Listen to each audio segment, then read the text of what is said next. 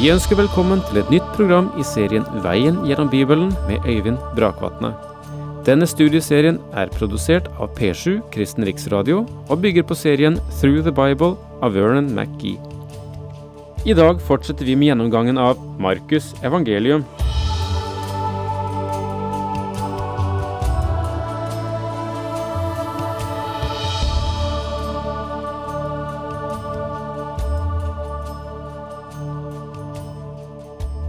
Av og til når jeg leser Markusevangeliet, som vi holder på med nå, så ser jeg for meg en relativt ung mann. For han har måttet ha vært vesentlig yngre enn de to som var hans inspirasjonskilder, nemlig Peter og Paulus. Peter var, om vi så kan si, han var eh, Johannes Markus' åndelige far. Og han kaller ham i første Peters brev for min sønn, i betydningen min åndelige sønn. Det betyr at uh, Peter har fått føre ham til Kristus. Mens Paulus var på mange måter også hans oppdrager, gjennom at han hadde ham med på reise, og det ble en nær kontakt mellom de to. Og tenk på dette når du leser Markusevangeliet. En ung mann som har åpne ører, ydmykhet nok til å sette seg ned for disse to menn, arbeide sammen med dem, være deres tjener og deres hjelper, Peter og Paulus. Men da forstår du også hvor nøyaktig dette evangeliet er. At eh, Johannes Markus har tatt med det som er vesentlig, det som disse to kjempene i Guds rike, Peter og Paulus, har sagt, dette er vesentlig, Johannes Markus. Og han har tatt det med. Og Markusevangeliet, Markus evangeliet, i likhet med de andre evangeliene, er noen av de best bekreftede skrifter som noensinne er skrevet fra denne tid og senere tider, eh, både i Grekenland, i eh, Italia, og hvor kulturene enn opptrådte. Derfor, les dette skriftet, så vel som evangeliene, både med den største ydmykhet, men også med den største tillit til at det som er sagt, det som er skrevet, det er sant. I kapittel to, som vi begynner på i dag, eh, møter vi beretningen om den lamme mannen som fires ned gjennom taket, vi ser her at Jesus kaller disipler, og at han sier at ingen kan faste når brudgommen er nær. Så får vi denne lignelsen og beretningen om nye lapper på gamle klær og ny vin i gamle skinnsekker, og så avsluttes dette kapitlet med å si noe om sabbaten. Kapittel to er enda et kapittel fylt med handling. Det er faktisk en fortsettelse av kapittel 1 og knyttes til dette med bindeordet og, slik den gamle oversettelsen viser. Markus bruker ofte ordet og. Gjennom det knytter han sammen det som har gått foran, med det som skal følge. Etter en tid kom Jesus igjen til Kapernaum, og det ble kjent at han var hjemme. Vi ser her at han kom tilbake til Kapernaum etter noen dager. Som det er nevnt tidligere, flyttet han sitt hovedkvarter fra hjembyen Nasaret ned til Kapernaum. Og Kapernaum forble deretter Herrens hovedkvarter under de tre år hans tjeneste varte. Vi så i kapittel én at Jesus måtte trekke seg tilbake til øde steder fordi den spedalske som han hadde helbredet, ikke tok hensyn til det Jesus hadde bedt ham om å gjøre, men hadde gått og fortalt alle det han hadde opplevd. Så da begynte folkemengden å presse seg inn på ham, slik at Herren ikke fikk gjort det han hadde i tanke. Dette er en av mange årsaker til at Herren Jesus ikke kom som en undergjører. Han ønsket ikke at det skulle, det skulle være det vesentligste karakteristikk av ham.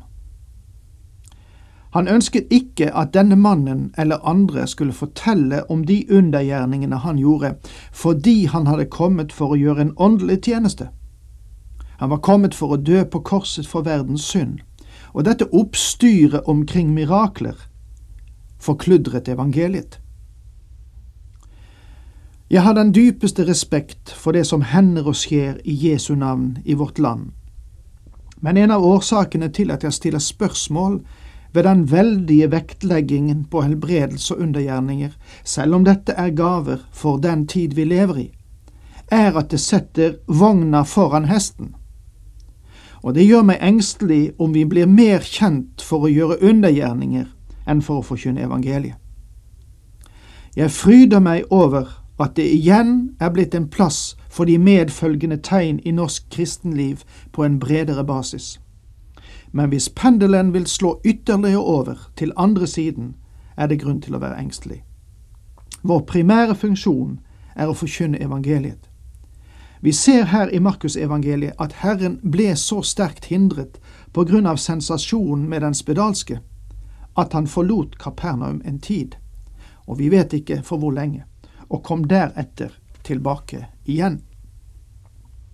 Da han kom tilbake, sies det at det ble spurt, at han var hjemme.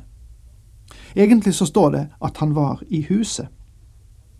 Den bestemte artikkel på gresk er faktisk et adjektiv, og bøyes slik også. Den sier noe om ordet hus, og henviser til et meget bestemt, spesielt hus. Så spørsmålet er, hvilket hus er nevnt i det første kapitlet i dette evangeliet? I første kapittel sies det at etter at han hadde vært i synagogen på morgenen, så gikk han inn i huset til Simon og Andreas. Dette får oss til å tro at da disse karene begynte å ta tak av huset, så kan det faktisk gjelde Simon Peters hus. Det er vanskelig å tenke seg at Peter sto stille og lot det skje, at de hadde frie hender. Nei, det ville ikke ligne Simon Peter. Jeg har en følelse av at han truet dem med alvorlige erstatninger. Det var hans hus. Det ble spurt eller kjent at Herren var kommet tilbake til Kapernaum, og at han var i Simon Peters hus.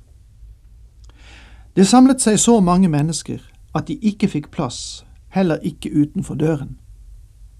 Han forkynte ordet for dem. Herrens tjeneste gikk ut på å forkynne Guds ord, og der burde trykket ligge på forkynnelsen i dag også.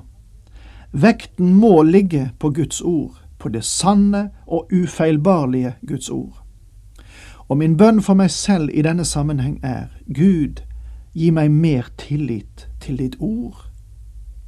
Jeg har fått se hva Guds ord kan avstedkomme i hjerte og liv i dag, og jeg vet hva det har gjort for meg. Som en konsekvens burde jeg ha enda mer tillit til ordet enn jeg har.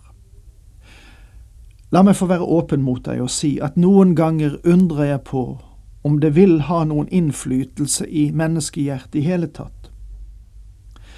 Jeg må bekjenne min svakhet så mange ganger på dette punkt. Vi må huske at dette er Guds ord som skaper hva det nevner, og som ikke skal vende tomt tilbake, som Jesaja sier i kapittel 55 vers 11. Så jeg fryder meg over å lese her at Herren forkynte ordet for dem. Nå vender opp vår oppmerksomhet seg mot en annen gruppe. Den eh, består av en liten delegasjon på fem personer. De kommer langs en støvet vei til Kapernaum. Der kom de til ham med en som var lam. Han ble båret av fire mann men fordi de ikke kunne komme fram til ham på grunn av trengselen, brøt de opp taket over det sted der Jesus var.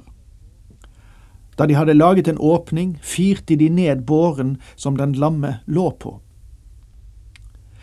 Vår oppmerksomhet vendes mot denne lille gruppen på fem, hvorav den ene var lam og aldri kunne ha rørt seg et skritt hvis han ikke hadde hatt de fire andre. De kommer ikke inn på grunn av folkemengden som fyller huset og gårdsplassen foran dem. I mye kirkelig arbeid har jeg sett at det som utføres mer enn noe annet, er å opprette komiteer. Og pastorene og prestene og predikantene og emissærene rundt omkring er ofte avhengig av komiteer. En har sagt at komiteer består av en gruppe mennesker som enkeltvis ikke kan gjøre noe, men sammen kan bestemme at ikke noe skal gjøres. Det er vanligvis det de gjør. Vel, forstå meg rett nå, det er sikkert satt på spissen. Men likevel, om de hadde gjort som vi, så hadde den lille gruppen fått utgjøre en komité.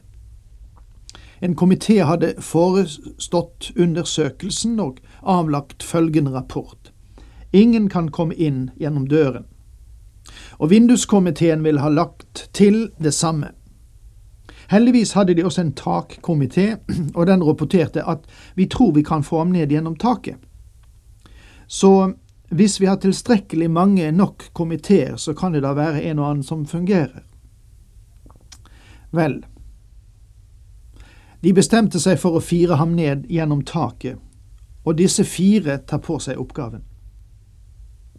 Når de får ham senket ned foran Kristus, så kan jeg bare tenke meg at de kjente seg litt forlegne fordi de hadde grepet inn og forstyrret møtet. Du kan bare forestille deg hva dette betydde for møtet som var i gang. Og tenk på all kalken som ramlet ned, og alt rusk og støvet som føk omkring. Vi har ikke peiling på hva Herren underviste om ved denne anledning, men undervisningen ble i alle fall brutalt avbrutt. Men Herren må ha sett på dem og smilt. Ja, det er jeg nesten sikker på at han gjorde. Da Jesus så deres tro, sa han til den lamme, Sønn, dine synder er tilgitt. Hvem sin tro? Det var disse mennenes tro. Det uroet meg i en årrekke hver gang jeg kom til disse versene. Det syntes å være disse mennenes tro som var årsaken til at han ble frelst. Dine synder er deg tilgitt. Men da jeg studerte disse ordene nærmere, innså jeg at det ikke var deres tro som frelste ham. Det er vidunderlig, mine venner, å ha en gudhengiven mor, noe jeg selv har hatt. Men du kommer ikke til himmelen ved å holde i din mors forklesnipp. Det er vidunderlig å ha en far med Guds frykt, men en from far er ikke i stand til å frelse deg. Du må selv ha en tro. Du må være den som tror. Ser vi nærmere på denne teksten, så ser vi at det er ikke disse fire mennenes tro som frelste denne mannen. Det var disse mennenes tro som førte ham til det stedet der han kunne oppleve at den Herre Jesus tok seg av ham som enkeltmenneske personlig. Da Jesus så deres tro, betyr deres tro til å føre den lamme mannen til ham. Da han så dette, tok han seg personlig av mannen og sa, Sønn, dine synder er tilgitt. Vi trenger slike bårebærere i menigheten i dag, menn og kvinner med slik tro som kan gå ut og føre ufrelste inn under evangeliets forkynnelse. Det er mange mennesker i dag som er eh, forlammet av et liv i synden, en likegyldighetens forlammelse, eller en forlammelse av forutfattede meninger om hva kristendom er. Mange mennesker vil aldri komme inn i kirker og bedehus der evangeliet forkynnes, uten at du tar tak i et hjørne i båren og fører dem dit. Og det er det du skal gjøre. Lykke til, Herren med deg.